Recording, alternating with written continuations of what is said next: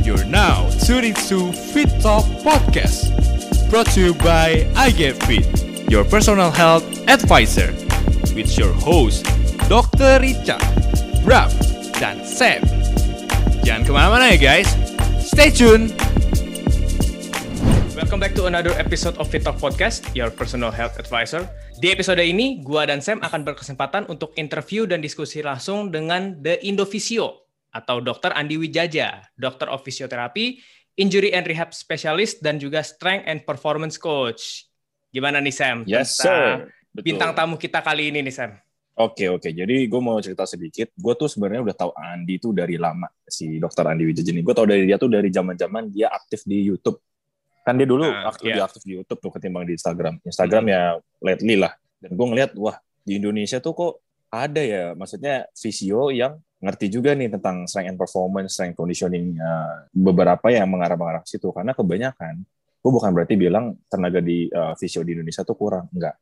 Banyak yang bagus tentunya. Cuma maksudnya yang benar-benar punya pemahaman sangat-sangat detail sekali tentang uh, gerakan movement screening dan uh, tentang programming juga, tentang uh, form dan teknik yang baik dan benar, tentang assessment yang proper, itu ya menurut gue si Andi ini.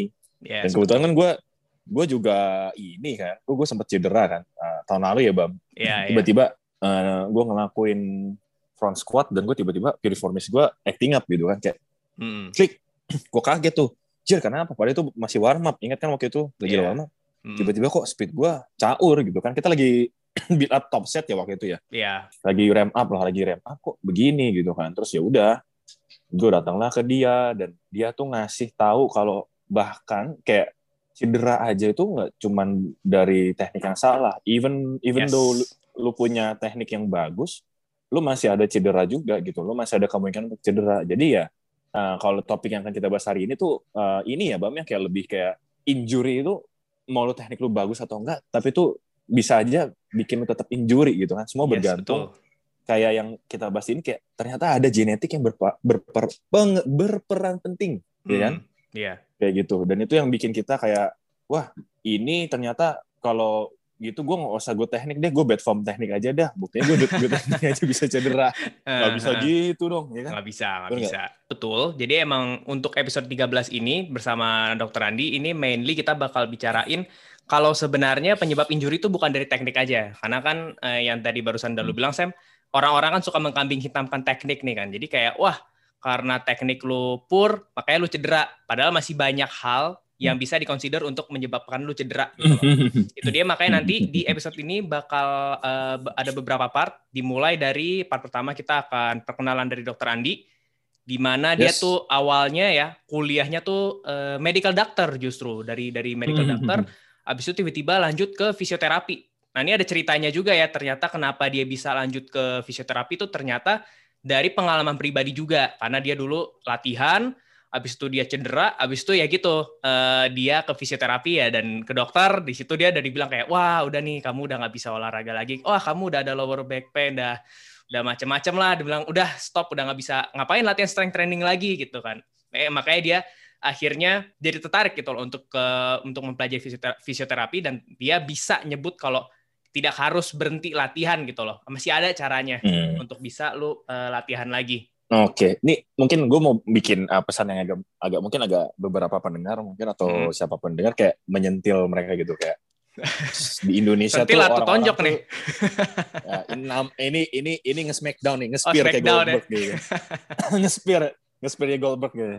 Jadi orang-orang tuh selalu beranggapan dokter tuh tahu segalanya gitu. Yes. Sebenarnya enggak gitu loh. Maksudnya Mhm.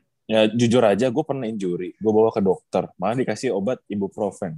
Kayak uh, lu ingat kan waktu itu aja gua- ya tujuannya ya. ya bicep gue yang waktu itu kejadian yang di velo tuh begitu juga kan kayak Ah, udah kasih ibuprofen aja udahlah jangan latihan dulu disuruh lah berenang lah disuruh lah ini disuruh itu nah itu itu udah merupakan salah satu uh, miskonsepsi di Indonesia yang masih banyak orang-orang itu kurang paham gitu maksudnya orang Indonesia tuh kurang paham banget kalau ternyata kayak gini-gini tuh ada dokternya dan itu bukan dokter biasa tapi dokternya Hmm. itu adalah fisioterapis fisioterapis. dan fisioterapisnya itu juga harus yang proper juga, yang ngerti juga programming dan latihan seperti apa, seperti yang gue bilang tadi di awal. Dan semua serba muluk-muluk, oh harus ke dokter, ke dokter. MRI, MRI, lower back pain, MRI. Tapi pas dicek fisioterapis, enggak kok nggak perlu MRI, nggak perlu, nggak perlu. Intinya bisa ke coach dan coach yang proper. Bukannya saya jadi mempromosikan profesi saya, yes, betul, tapi betul. Kami pun kurang lebih ngerti lah movement screening itu seperti apa. Kurang hmm. lebih ya beberapa banyak coach-coach di Indonesia yang sekarang sudah mulai melek tentang biomekanik, baik juga yang melek juga tentang uh, beberapa movement screening. Terus habis itu joint screening, uh, muscle kayak flexibility whatever it is gitu. Jadi ya enjoy lah, coba dengerin aja. Mungkin dapat membuka wawasan teman-teman pendengar. Yes, betul. Halo ya, semua, tadi... kenalin nama gue Andi Widjaja. Um, pekerjaan mungkin uh, dibilang uh, rehabilitation injury specialist mungkin dan strength and hmm. performance hmm. coach. Um, jadi kerjaan gue lebih ke nanganin orang cedera sekarang ya, orang yang punya masalah cedera hmm. dan yang berhubungan tentang gerakan. Jadi movement related injuries and pain. Dua itu sih yang gue nanganin sekarang. Injuries and pain, uh, background, gue mau latihan dari zaman Mike Cheng, six pack shortcut, tahu. biar ada reference ya, biar udah tahu yes, ya. Yes, yes. Udah ketahuan tuh lu ngomong Mike Cheng, udah ketahuan tahun berapa berarti mulai latihan. iya, Mike Cheng ya, six pack shortcut itu pertama yes. kali gue nge-gym mungkin tahun 2011 2012. Mm -hmm. uh, dulunya itu awal-awal gue kuliah mau jadi medical doctor. Jadi gue ngambil S1-nya emang biomedicine medical science. Tapi okay. seiring dengan kuliah nge-gym, itu tiap tahun, tiap bulan gue pasti ada, pasti aja ada cedera. Mm-hmm. Hampir di semua bagian tubuh gue pernah cedera. Gue udah operasi lutut, operasi pinggang. And ya, yeah, zaman-zaman dulu gue cedera itu bilangnya oh ya meniscus kamu putus ACL kamu putus nggak bisa ngejim lagi tipikal yang kayak gitu oh kamu kena HNP ini udah nggak bisa ngejim nggak bisa latihan lagi jadi makanya dari hmm. situ gue pindah haluan dari mau jadi medical doctor, S2-nya gue ngambil dokter fisioterapi. Dan hmm. untungnya sampai sekarang semua yang dibilang salah dan gue bisa ngelakuin apa aja yang gue mau sekarang sih. Dengan uh, rehabilitasinya tentunya nggak nggak gampang, tapi um, ya jadi gue ngambil pekerjaan ini karena apalagi di Indo ya banyak banget miskonsepsi miskonsepsi habis ACL meniskus nggak boleh ngejim nggak boleh hmm. ini nggak boleh itu sakit pinggang nggak boleh ngangkat berat lagi cuma boleh berenang yang nanti yeah. bakal kita bahas um, yes betul dan ya kurang lebih gitu kurang lebih gitu cerita gue ya itu gitu. itu itu sering banget kayak kita dengar sih terutama hmm. kayak orang tua yang hmm. mungkin dia dari mana awal mulanya mitos-mitos ini bisa bermunculan karena ya sesuatu yang terjadi sama mereka terus di disambung di, disama-samain gitu loh kayak yang terjadi sama gue mungkin bisa terjadi juga sama kalian gitu loh kayak Betul. misalnya jangan ngangkat berat beban berat-berat nanti Betul. turun bro gitu kan Betul. padahal Betul itu kan ya mungkin memang terjadi karena hmm. uh, waktu itu keadaan badannya emang lagi Betul. parah tekniknya juga bisa jadi penyebabnya bener banget nah terus akhirnya anaknya mungkin olahraga terus pakai good form juga tapi yeah. ya gitu tetap dibilangnya udah nggak usah latihan kayak gitu nanti turun beroh di gym pun juga kayak gitu pasti kan kita ketemu orang-orang kayak ngapain nah. sih lo deadlift deadlift udah mm -hmm. lu deadlift badan lu nggak bagus-bagus mending latihannya biasa, biasa aja. Kan lu nge-gym badannya buat bagus bukan ngangkat beban berat-berat. Lu lu digituin juga Sam ya? Zaman-zaman kalistenik ya? Zaman zaman dulu pasti gitu ya. Uh, iya. Dulu oh, gitu banget zaman gua kalistenik lah ke awal-awal kayak mm. gue dipping pakai beban masalah pakai mm. beban mm. pulang mm. pakai beban. Eh jangan begitu bro. Nanti lu bahu lu apa overuse terus injury. Terus kayak gue sempat mikir gitu kayak aduh emang badan kita serentan serenta itu ya maksudnya badan kita tuh serenta itu ya hmm. apakah badan kita tuh sefragile itu ya hmm. nah hari ini tuh topiknya menarik banget tuh kenapa yes. menarik karena bahkan uh, orang dengan teknik baik pun dengan teknik hmm. yang bagus pun bisa cedera gitu kan. Kayak yang bilang, ya, Babam yang bilang tadi tuh. Bener. Bahkan orang tekniknya hmm. baik pun shit happen injured bener, gitu. Bener banget, dan, bener banget. Da, dan ini topik yang seru banget nih Andy yang waktu itu kita hmm. bahas di clubhouse ya dan itu gue iya. antusias yeah. banget kayak. Ya ini ini wah, ini curang nih. Banyak banget. Nih ada sedikit spoiler nih guys curang nih. Mereka udah pada mulai duluan. Gua gak bisa masuk oh, nih gara-gara HP gue bukan Apple nih. Bukan Apple. Apple. HP gue dari dari angkasa coy Android. Siap.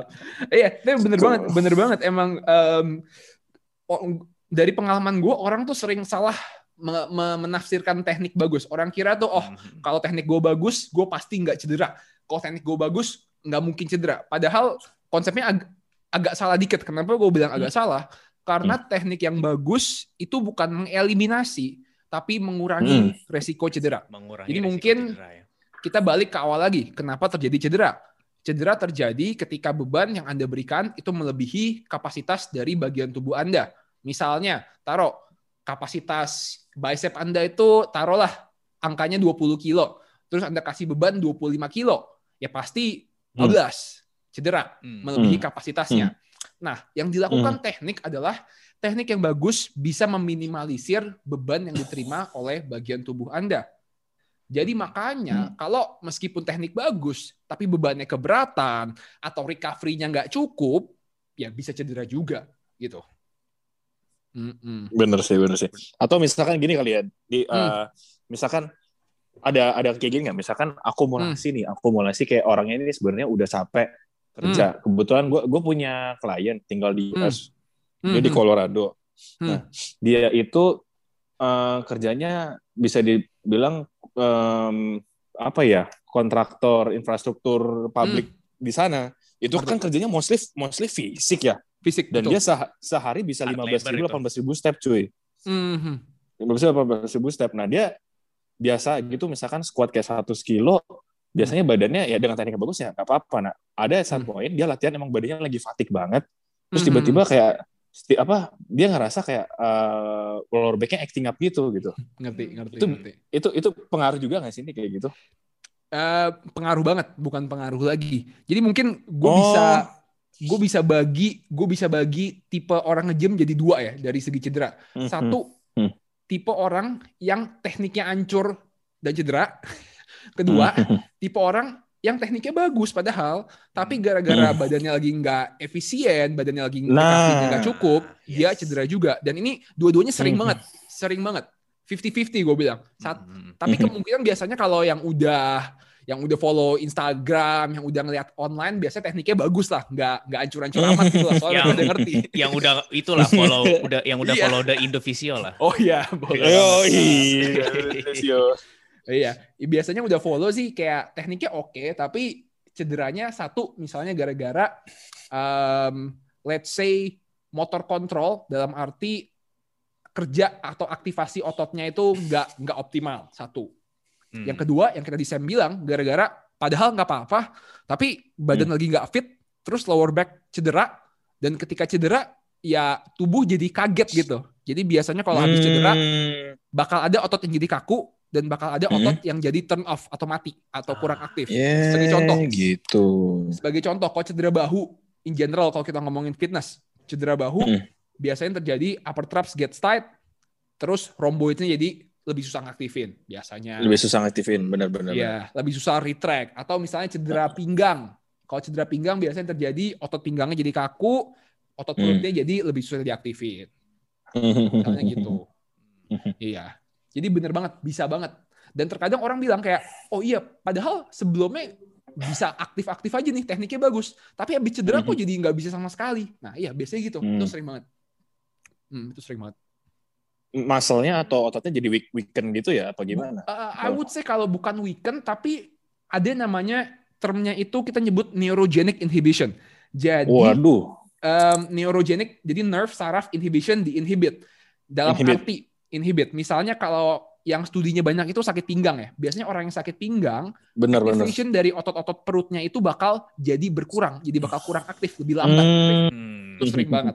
Hmm. Uh, jadi sebuka sebenarnya bukan salah tekniknya, sebelumnya semuanya bagus, otot perutnya bagus, hmm. tapi gara-gara kecapean cedera, badannya kaget, otot pinggang kaku, hmm. otot perutnya jadi inaktif atau kita nyebutnya neurogenic inhibition. Dan ketika hmm. inaktif, ya mesti bener-bener kita balik ke basicnya dulu, aktivasi secara isolasi dulu. Ah, yes. Uh -uh. Kan orang-orang nganggep nih misalnya nih, kayak oh iya, kalau gua squat itu squat nggak pakai beban itu gerakannya gerakan gampang atau enggak Bulgarian split squat atau lunges itu gerakannya gerakan gampang. Padahal enggak, squat lunges itu udah gerakan sangat kompleks. Ya, ya. Itu funny thingnya uh, kayak when you remove the weight from the hmm. exercise, Orang-orang langsung simply labeled it kayak oh itu berarti gampang kan lu nggak Gampang bener. padahal enggak sus padahal tuh gerakan susah gitu sebenarnya. Iya. This is my warm up. This is my warm up gitu. Yes. Iya, banyak banget kayak gitu orang emang. Banyak. Nah, banyak banget. Iya, Menarik dan- dan sih. di- Itu gue bener, jadi bener. kebuka insight-nya. Hmm. dan mereka kira kayak em, ibaratnya kalau cuma taruh lah kita ngomong gerakan apa yang gampang ya taruh misalnya gerak- gerakan plank gitu lah gerakan plank oke orang-orang kira oh plank doang gampang padahal untuk orang yang bener-bener habis cedera nih yang otot perutnya susah aktif otot pinggangnya kaku plank itu susah banget pasti ngaktifin perutnya in most cases susah Hmm. Pas banget Pasti tuh. Pas banget. Nah, iya. kenapa sorry Ah, sorry gue motong. Pas banget tadi Hmm. gue gue baru aja ada klien baru gue bisa assessment. Dia susah banget tuh eh, nih buat Hmm. plank, buat eh, dia takin takin dia punya Taminya. pelvic Hmm. alias Hmm. ya Hmm. takin buat buat pelvic sama dia punya scapula buat netral. Kayak Hmm. badannya udah tight banget yang kayak Ya, dibilang ha. upper trapsnya tight, rhomboidnya nggak bisa ini. Jadi Yes, badannya yes. very protected gitu, very bener protected. bener Dan mungkin Nah, udah enam juga ototnya kayaknya Bener ya? banget tuh yang gue kayaknya. Soalnya dia Hmm. terakhir olahraga 4 tahun yang lalu. Baru Oh, aja nih iya. hari ini gue Empat dapat. tahun. bener bener Menarik bener, banget. bener makanya kayak kadang-kadang kalau kadang-kadang kalau kalau kalau lihat di online online coach dikira kayak maksudnya ya not not all people ya at least di populasi gua ya dan populasi gym gua dan orang yang gua ketemuin nggak nggak semua orang itu bisa plank gitu maksudnya kayak plank itu susah Yes, sebenarnya kalau in, yes. in general population kalau mau Mhm. ngelakuin bener bahkan biasanya Bener, bahkan bener, biasanya bener, hampir bener. hampir semua pasien atau kebanyakan klien yang nggak pernah nge-gym, ya gue kasihnya modified dulu pakai lutut loh. Kalau pakai langsung susah banget biasanya. Ya, Iya. pakai lutut. Hmm. Iya, pakai lutut. Makanya, Bener, bener, bener. makanya. Iya, I think ya itu itu gitu banget sih. Jadi, Hmm.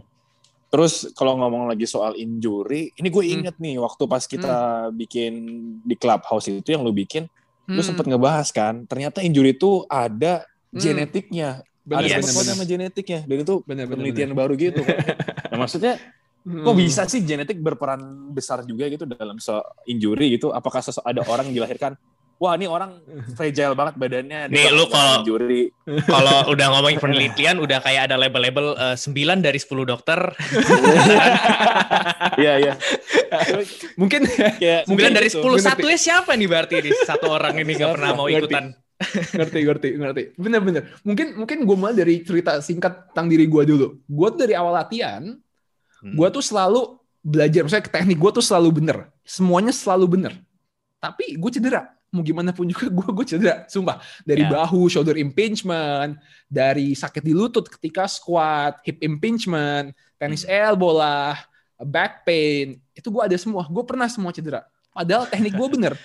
Dan olahraga gue maksudnya nggak ya lumayan intens tapi nggak langsung tiba-tiba kaget gitu lah. Hmm. Maksudnya kayak Gak high impact rutin- lah, gak impact lah. Iya, Nah. gue rutin gue gue rutin main badminton segala macem. Tapi ya Hmm. gue cedera aja awal-awal emang mau gimana pun gue gampang cedera meskipun semuanya bener. Dan gue ada banyak pasien yang bilang gini, oh iya, padahal saya tuh latihan biasa aman. Tapi kemarin cuma sekali doang itu salah sedikit doang. Misalnya, oh kemarin lututnya tuh agak valgus dikit, terus cedera. Banyak pasien Hmm. kayak gitu. Dan dari situ ya, em, ya gue mulai research research dan ya memang some people are just more prone to injury. Tolerance atau kapasitas dari bagian tubuh mereka itu lebih lebih rendah dibanding orang lain dari segi cederanya.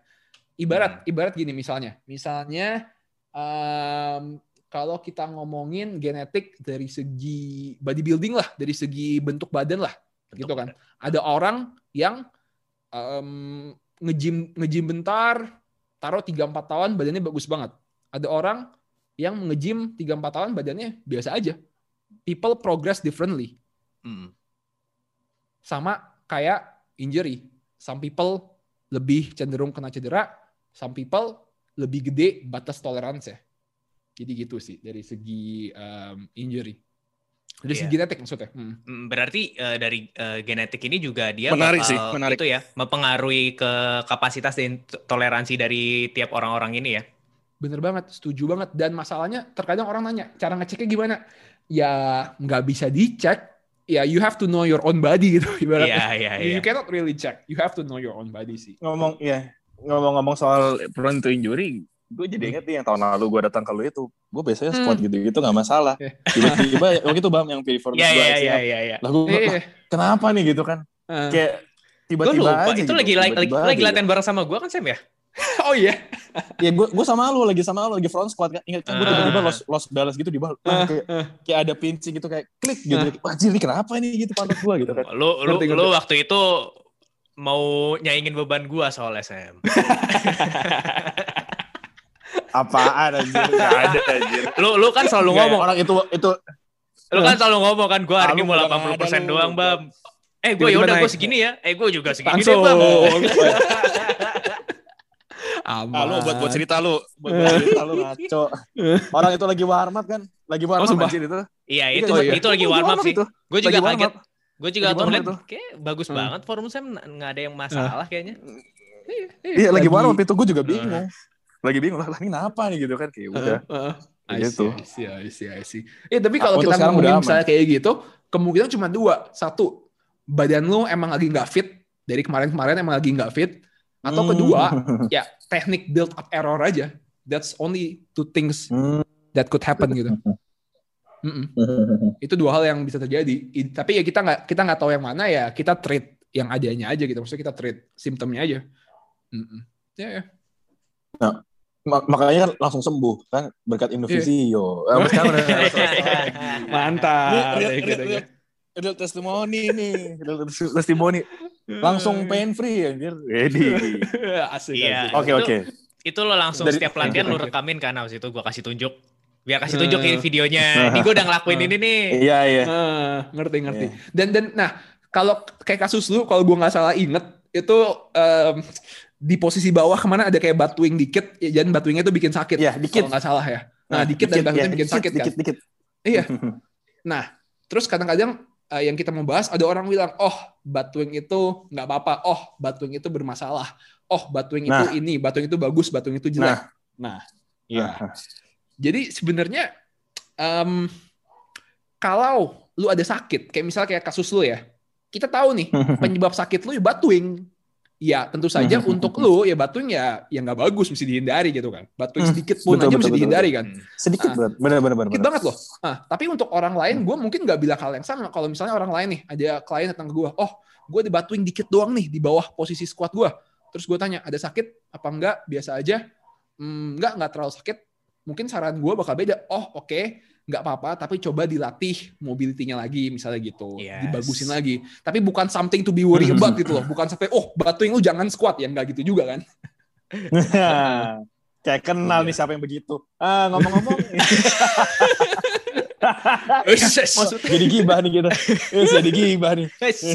Bener banyak banyak banyak kayak gitu dan kayak Nah, ter, nah kalau di sisi lain lagi, itu kan sisi yang satu ya. Sisi yang bilang, oh batuing ya. dikit aja nggak boleh squat. Tapi kalau kita ke sisi lain, ada orang yang bilang, oh batuing nggak ngaruh sama sekali. Gue batuing dari dulu sampai sekarang bodo amat nggak pernah cedera. Gitu. Ada yang kayak gitu juga. Iya.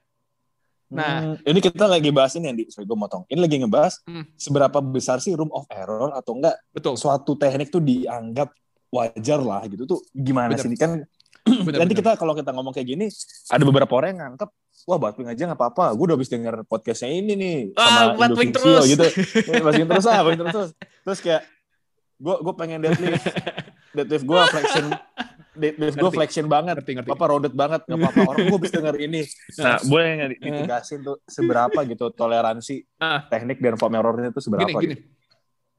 gini, uh, mungkin kalau kita ngomongin spine ya, ya dari, dari, uh, spine tadi ya. Berarti kita ngomongin spine, mau itu deadlift, mau itu squat, batungnya itu kan spine squat, juga. Nah. Ya, ya, betul. Neutral, posisi neutral adalah posisi di mana spine itu paling kuat menahan beban. Jadi beban yang diterima spine ketika neutral itu paling rendah. Beban yang diterima pinggang ketika posisi neutral itu paling rendah. Ini sainsnya hmm. gitu. Sainsnya begitu. Kalau ada flexion sedikit, tapi nggak ada movement, jadi dari awal sampai akhir flexion tapi tetap tight, it's okay, it's not bad, tapi it's second best untuk injury dan untuk spine resilience, injury prevention. Mm -hmm. Kalau kita bicara flexion with movement, jadi kayak orang yang tekniknya udah hancur banget, itu mm. beban yang diterima oleh spine atau tulang punggungnya itu sangat-sangat besar. Nah, sekarang mm, kalau orang nanya, mm. apakah um, room room of error-nya segede apa? Tergantung. satu tergantung dari genetik Anda. Apakah Anda orang yang gampang cedera atau enggak? Hmm. Oke. Okay. Mau latihan tapi males jalan ke gym? Takut kena macet? Bingung dengan program latihan kalian? Atau bosan dengan latihan itu-itu aja? Jangan takut. PowerTenix.id hadir untuk membantu perjalanan fitness kalian. Di online coaching PowerTenix.id, kalian akan mendapatkan virtual assessment sebelum program kalian dirancang, 4-week personalized program, dan virtual consultation secara rutin setiap minggu. Belum cukup? PowerTenix.id juga memiliki online coaching plus virtual bundle untuk melatih kalian langsung dengan video conference. Dengan bundle ini, kalian sudah seperti dilatih langsung oleh coach dari PowerTenix.id. Cukup dengan hanya mengeluarkan handphone, kalian sudah bisa memulai latihan kalian. Join us today. Find us in Instagram at PowerTenix.id. Kalau Anda orang yang gampang cedera, sedikit aja cedera, ya sangat disarankan untuk neutral terus. Neutral. Jadi batuing sedikit aja ya jangan, jangan sampai. Jangan, gitu. betul. Mm -mm. Tapi kalau misalnya anda bilang mm, nggak, gue gue jarang cedera, paling cedera dikit-dikit doang. Jadi ya kita masih hmm. bilang, oh kalau batuing sedikit, ada flexion sedikit, masih bisa ditolerir, masih nggak apa-apa, tapi dicoba untuk perbaiki tekniknya terus-menerus, gitu aja. Yes. Uh -uh. Tapi sekarang ada yang lagi bilang gini, oh iya, gue kalau batuing udah berpuluh-puluh tahun, gue nggak nggak pernah ada masalah, jadi batuing itu boleh. Iya, kalau dia bilang begitu, ya boleh. Tapi kita pakai konsep tadi. Ingat, teknik bagus jelek itu cuma menurunkan atau menaikkan beban yang diterima tubuh. Ya. Kalau kapasitas tubuh Anda itu lumayan tinggi terhadap cedera, taruh misalnya kapasitasnya itu 100 ya. Kita ngomong kalau lebih dari 100 cedera.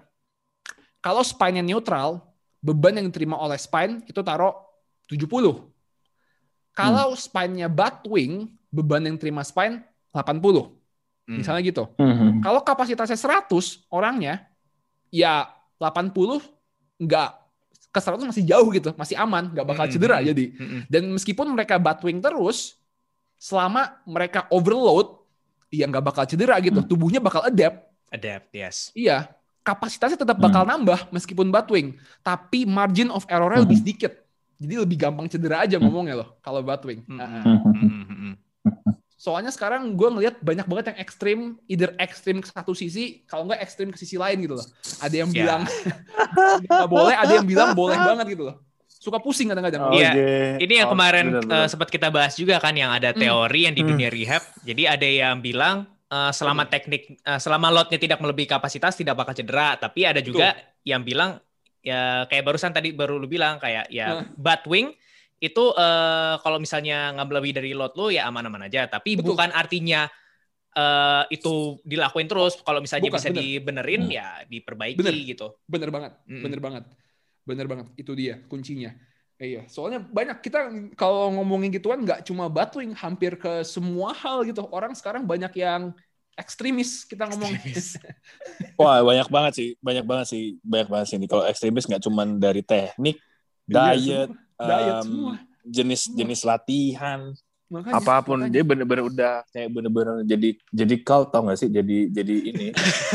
Jadi jadi jadi jadi cult banget anjir kalau di, diperhatiin. Nah ngomong-ngomong soal cult gitu nih mm.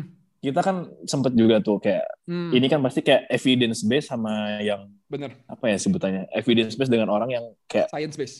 Apa, uh, apa, science based gitu. Mm. nah kalau yeah. menurut lu gimana? Kan itu hmm. dua dua hal yang berbeda gitu. Mungkin hmm. bisa jelasin. Gitu. Mungkin jadi uh, ada oke, okay, kalau kita bagi jadi sebenarnya kita bagi tiga deh. Jangan cuma evidence based science based. Yang pertama itu hmm. orang yang berdasarkan pengalaman, bro science based. Kalau nggak experience based lah, hmm, experience based, experience lah. Kita ngomong experience based. Ya? Okay. Itu yang pertama. yang kedua ada evidence based sesuai dengan research.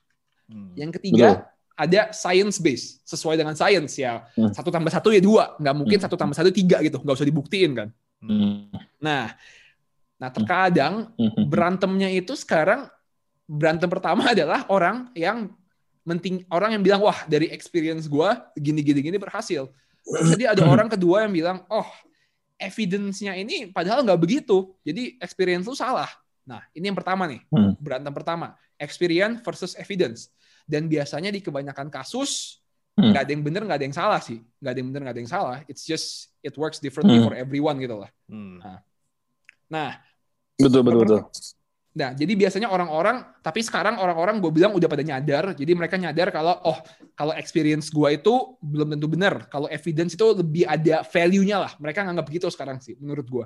Di dunia online lah seenggaknya. Mm -mm. Kalau ada evidence-nya berarti mereka lebih percaya. Kayak mereka bilangnya, mm -hmm. oh ya ini ada buktinya nih, bukan cuma bro science gitu kan. Mm -hmm.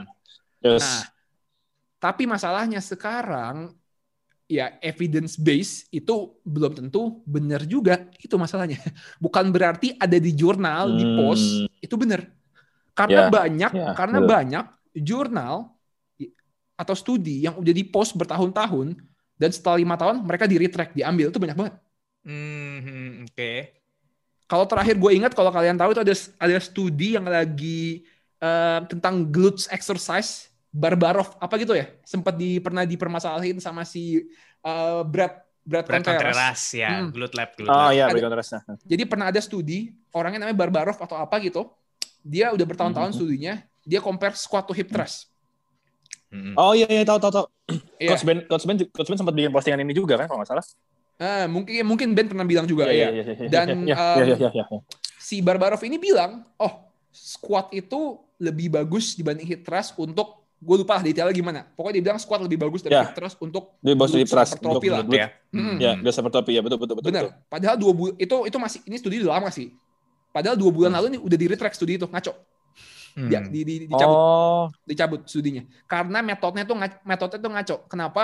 Jadi di metode ini ditulis, gue gue lupa detailnya, tapi orang dia ikut training programnya si studi itu, dia bilang elit atlet max squat itu bisa nambah 50 kilo dalam 8 minggu.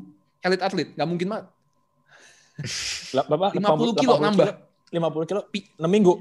Iya, 8 minggu. PR 8 minggu. nambah. 8 nggak mungkin. Impossible. Makanya. Mm-hmm. Makanya si Brad bilang, kayaknya ada yang ngaco. Dan bener aja, ditarik semua studi dari si Barbarov ini.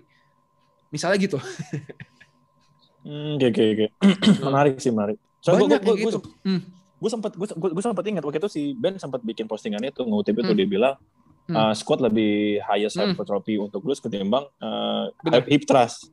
Betul. Nah, sekarang muncul lagi kan si Kesem Kesem kalau tahu glute bridge-nya Cas. Um, Cas glute bridge itu dibilang lebih lebih bagus lagi untuk hypertrophy glutes. Banyak hmm. banget itu kalau misalnya hmm. gitu kan. Iya, kalau oke. Okay. Kalau iya, jadi intinya yang pertama kemarin si yang si studi yang squat lebih bagus daripada hip thrust itu ditarik. Jadi kesimpulannya sekarang hmm. masih pakai Brad Contreras, hip thrust jauh lebih bagus daripada squat. Untuk lebih bagus squat betul betul. betul. Hmm. Nah, sekarang kalau hmm. kita ngomong biomekanik ya macam-macam Kesem dan kawan-kawannya, masalahnya cuma satu. Secara teori Apa? bener, misalnya dia bilang, "Oh, oh kalau lakuin kayak gini lebih kena ke otot ininya. Kalau lakuin angle-nya begini, lebih kena ke otot ya, ininya. Betul aja. Teorinya benar biomekanik, hmm. tapi praktikalnya adalah seberapa banyak sih efeknya? Satu persen, dua persen, lima persen, ah. sepuluh persen. Hmm, hmm, hmm. Dan apakah lu bakal jadi lebih ribet setupnya segala macam mesti gini gitu? Yes, yes. Demi satu demi dua persen improvement misalnya gitu loh. Iya iya iya iya iya sih. Oke iya. oke oke. Jadi kalau ngomong-ngomong, ah, ya lanjut dulu nih, lanjut, lanjut iya, dulu. Jadi kadang-kadang gue kalau kalau ngeliat postingan biomekanik, terkadang mereka detail banget, which is bagus untuk elit atlet yang ngejar advantage satu persen dua persen. Tapi kalau untuk gua pribadi gua nggak terlalu pentingin sih. Oh beda lima persen paling kayak ya yeah. gua nggak yeah, gua iya. nggak ribet gitu loh maksudnya. Mm-hmm. itu sih paling. Mm. kenapa sorry? Nah uh, ya ini menarik banget ngomongin experience evidence dan science. Mm. uh, greatest powerlifter uh, uh, uh, of all time bapak Edco Ed, betul. Edcon. Edcon Edcon Edcon ya. Edcon aja dia kan bilang oh deadlift gue backnya tuh rounded flexion hmm, gitu. Dan hmm, dia jelasin kenapa bla bla bla bla bla bla. Sampai dibilang itu ya Edcon deadlift ya namanya ya. Ya Edcon deadlift Edcon deadlift. Nah tapi uh, untuk orang yang kayak basicnya science gitu bilang tapi lu lihat aja Edcon sedaranya udah berapa hip replacement lah yeah, apa yeah, gitu, yeah. gitu. Jadi mm. jadi perbandingannya bisa dilihat gitu kan dari oh nih dari segi experience bisa begini tapi dari segi hmm, science kayak gitu nggak baik untuk jangka panjang Bener. tapi ya balik lagi bisa dimaksimalkan kalau dua-duanya dikombinasiin nggak sih Di? kayak gitu maksudnya Bener, kayak kita sainsnya dapet kita juga yeah. ngelakuin experience dan kita itu kayak gitu tuh personalize gitu ke orang masing-masing nggak bisa disamain satu rata sama rata gitu kan Bener, setuju hmm. banget, setuju banget. Um, ya, jadi um, setuju. Soalnya uh, gini, eh, eh, oke okay, mungkin sorry, kita bedain evidence sama science. Nah, kalau evidence itu adalah berdasarkan hasil research. Oke, okay, studi gua hmm. itu udah ngeliat bahwa program yeah. ini bermanfaat. Kalau science itu ibaratnya, jadi oke okay, sorry, jadi kalau kalau nggak ada evidence-nya, kalau belum ada studinya, itu terkadang orang-orang hmm. nggak hmm. percaya. Misalnya, hmm, ya, ya. misalnya, misalnya ada yang bilang, oh activation exercise untuk glutes itu nggak nggak guna gitu. Nggak guna. nggak guna. Misalnya ada yang bilang kayak gitu. Soalnya belum ada evidence-nya. Hmm. Tapi secara sains masuk akal. Kalau glutesnya bisa lebih nahan beban, beban lututnya hmm. berkurang. Lututnya nggak berapa sakit. Hmm. Benar, benar, nah, benar, benar. Terkadang orang pada kayak gitu. Dan dengan ya dua-duanya nggak ada yang benar nggak ada yang salah tapi mm-hmm. biasanya yang terjadi adalah dengan hal-hal kayak gitu evidence-nya bakal kecap jadi bakal ada science atau teori duluan terus nanti bakal mm. ada evidence yang ngebuktiinnya ah. biasanya kayak gitu sih mm, okay. ya, Hmm. Jadi Dan, pembuktian ya, membuktikan betul. ya kalau si evidence. Jadi betul. start dari ya studinya dulu, pasti nanti si evidence nggak up juga akhirnya. Betul, start Based dari, on dari science ya. Bener. Dan untuk sekarang tentang glutes activation, terutama posterolateral hip, jadi hip uh, gluteus medius itu lima tahun lalu studinya nggak ada sama sekali. Sekarang itu jadi gold standarnya untuk semua kasus patellofemoral pain syndrome atau sakit di lutut kebanyakan hmm. itu sekarang semua studi udah ngebuktiin oh glutes exercise activation it does work for for that kind of stuff gitu loh. Mm. Jadi terkadang mm. memang evidence-nya tuh belum catch up. Hmm. Jadi evidence-nya catch up catch up dulu eh, setelah studinya ada gitu ya ibaratnya gitu ya. Iya, yeah. jadi pertama tuh pasti teori dulu. Teori berdasarkan science. teori berdasarkan science baru dibuktiin oleh evidence-nya. Kalau ada dua-duanya, ada science, ada evidence, dipercaya. Tapi kalau uh. cuma evidence nggak ada science itu terkadang agak hmm. agak enggak dari agak mana enggak nih akal ya. dari mana nih jadi terkadang evidence itu bisa salah kalau evidence-nya hmm. bertentangan dengan science kemungkinan besar itu salah misal ada evidence orang ngebuktiin oh satu tambah satu itu bukan dua itu tiga ya nggak nggak bisa gitu maksudnya hmm. hmm. nah terkadang kayak gitu juga jadi makanya topik yang sangat-sangat uh, menarik sih menurut gue sangat-sangat menarik dan apa pun yang dibilang science belum tentu benar juga Iya betul. Yes. Tentu praktek. Baru baru secara, juga secara praktek benar juga. Soalnya kan science is science, is a theory, mesti dites dulu. Nah, ya, itu dia. Jadi emang agak topik yang sangat-sangat berat. Betul. Nah. Berat banget sih. Emang itu juga sih kayak ya kita sering lah lihat lah di Instagram atau enggak di hmm. YouTube kayak contohnya um, oh ini bodybuilding based on science gitu. Tapi ah. kayak kayak apa old school old school guy kayak yeah. contohnya misalkan hmm. kayak zaman-zaman yang high volume high frequency high intensity zaman-zaman apa John Meadows terus John Meadows Mountain Dog hmm. bener, bener, bener. Mountain si Mountain Dog mm -hmm. yang yang old school old school gitu kayak hah gue aja nggak perlu gitu gue menang nih gue ini nih gue ini nih kayak gitu kan hmm, kadang yang new school new school itu juga suka dijadiin kayak di, di, di apa ya di, dikata-katain lah ya kan ya. tau nggak ya, kasusnya yang yang ini yang apa nih mhm kasusnya ini Mike Israel sama Greg Boucher. Kenapa itu? itu kenapa emang? Rame banget tuh. Familiar, sama si Omar sama ya Greg, ya. Iya, iya. Gue uh, gua familiar sama, sama si Mike ya. sih. Gregnya gue gak tau. Nah, jadi Greg Boucher itu orang yang uh, dia S2 kinesiologi deh. Hmm, dia S2 hmm, hmm, hmm, kinesiologi dan dia FBB Pro bodybuilder hmm. dan dia hmm. itu menentang MRV landmarksnya apa si volume ya volume landmarknya si Mike hmm. yang dibilang lu cuma ngasih tahu orang latihan uh, nggak pusing harder gitu kayak lu hmm. menciptakan batasan-batasan padahal gue ngerti itu maksud dia tuh adalah uh, yang dia buat itu adalah guideline supaya orang itu latihannya efektif gitu kan sedangkan kalau lu lihat zaman dulu bodybuilder zaman dulu bener-bener going hard kayak contoh Ben Pakulski terus yeah, habis itu iya ya John Meadows gitu gitu kan bener-bener yang high intensity high frequency high volume bener. gitu bener bener, nah, bener. itu sempat jadi perdebatan tapi poinnya hmm. sih yang gue lihat dua-duanya bakalan bekerja karena yang satu baik lagi satu lagi experience satu lagi ya evidence-nya begitu gitu Bener. Ya. itu salah satu sih yang diambil setuju contoh. setuju setuju banget dan kalau gue boleh nambahin um, ya tergantung ter, ter, tergantung tipe orangnya juga. Apakah orangnya orang hmm. yang butuh di push, apakah orangnya itu orang yang yang emang gak butuh di push, butuh di hold down gitu. Justru ada yang butuh di hold down. Hmm. Iya. iya, iya, iya kalau iya. ada orang, kalau lu ketemu pasien yang atau orang atau klien yang butuh di push, ya lu pakai cara si Greg Duchet, ya lu hajar terus. Hmm. Tapi kalau yeah, lu pakai orang yeah. yang yang beneran mesti di hold down, ya lu pakainya cara hmm. si Mike Israel. Yeah. Jadi emang hmm. it, it depends gitu. Makanya kayak kadang-kadang suka gimana ya? Kayak gue percaya, gue pernah buat post nih. Jadi gue pernah bilang kebanyakan orang yang yang give information di internet, yang influencer lah mau Indo mau luar, hmm. gue yakin semuanya pintar. Tapi terkadang hmm. mereka tuh terlalu ngelihat hal dari mikroskop, nggak ngelihat konteks besarnya gitu loh. Iya benar benar benar benar. Padahal dua-duanya benar, nggak ada yang salah kan? benar benar benar. Tapi bener. diributin. jadi jadinya jadi ya itulah jadi masalah besar gitu bener, kan ya. Bener. Paham, paham. Ya emang okay, okay. itu sih kalau tadi kan kita udah bahas yang hmm. ada si uh, apa namanya evidence based, abis itu juga ada hmm. science kan. Ini juga gue sedikit mau ada nambahin tentang sedikit hmm. uh, kadang-kadang juga ini sih uh, hmm. kalau gue sempat notice di podcast beberapa podcast yang gue dengerin terus juga dari uh, Greg waktu apa gue udah dari Greg juga. Jadi dia sempat ngomong kayak ada beberapa evidence based itu yang juga uh, duration research mereka itu kadang-kadang nggak -kadang nggak cukup untuk untuk uh, menyebut kalau hasilnya itu segitu gitu loh. Karena kadang-kadang hmm. mungkin mereka ngambil ya paling kan simpelnya mereka ngambil 10 orang untuk masing-masing grup, grup A dan grup B hmm. gitu kan. Nah, terus dikasih dalam waktu uh, certain certain time gitu misalnya kayak dalam waktu 6 minggu, 8 minggu. Nah, kadang-kadang uh, kayak dalam waktu yang sependek itu nggak cukup gitu loh untuk menyatakan ya. results-nya itu bener. ini benar gitu loh. Kenapa nggak dicek setelah mereka uh, misalnya 6 atau 8 minggu ini kenapa nggak dilanjutin lagi gitu 8 minggu ke depannya lagi atau mungkin eh, dua tiga bulan gitu kan? Ngerti ngerti hmm. ngerti. Bener-bener dan kalau boleh nambahin um, sebenarnya itu kalau dari pengalaman pribadi gue gue kuliah S2 tiga tahun kerjaan gue tuh belajar bahasa research tiga tahun full. Oh, kerjaan gue literally tiap tahun belajar bahasa tiap tiap semester pasti ada pelajaran yang ngajarin cara baca research.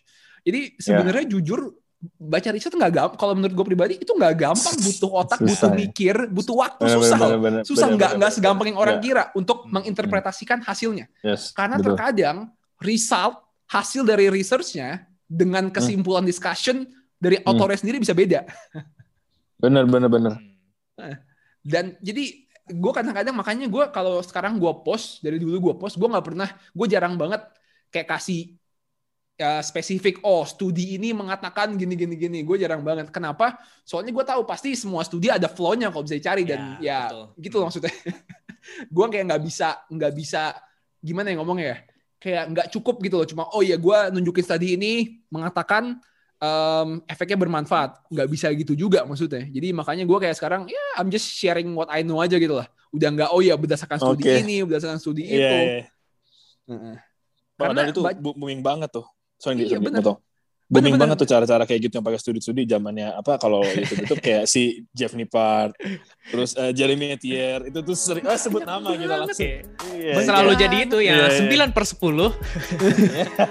makanya makanya padahal sumpah baca studi itu susah. Susah, pusing gue. Pusing banget. Thank you for listening to Fit Talk Podcast. For more information about fitness stuff, check out our Instagram at iGetFit. Make sure to check out Powered Scenics for personalized training program. Till next time on Fit Talk Podcast.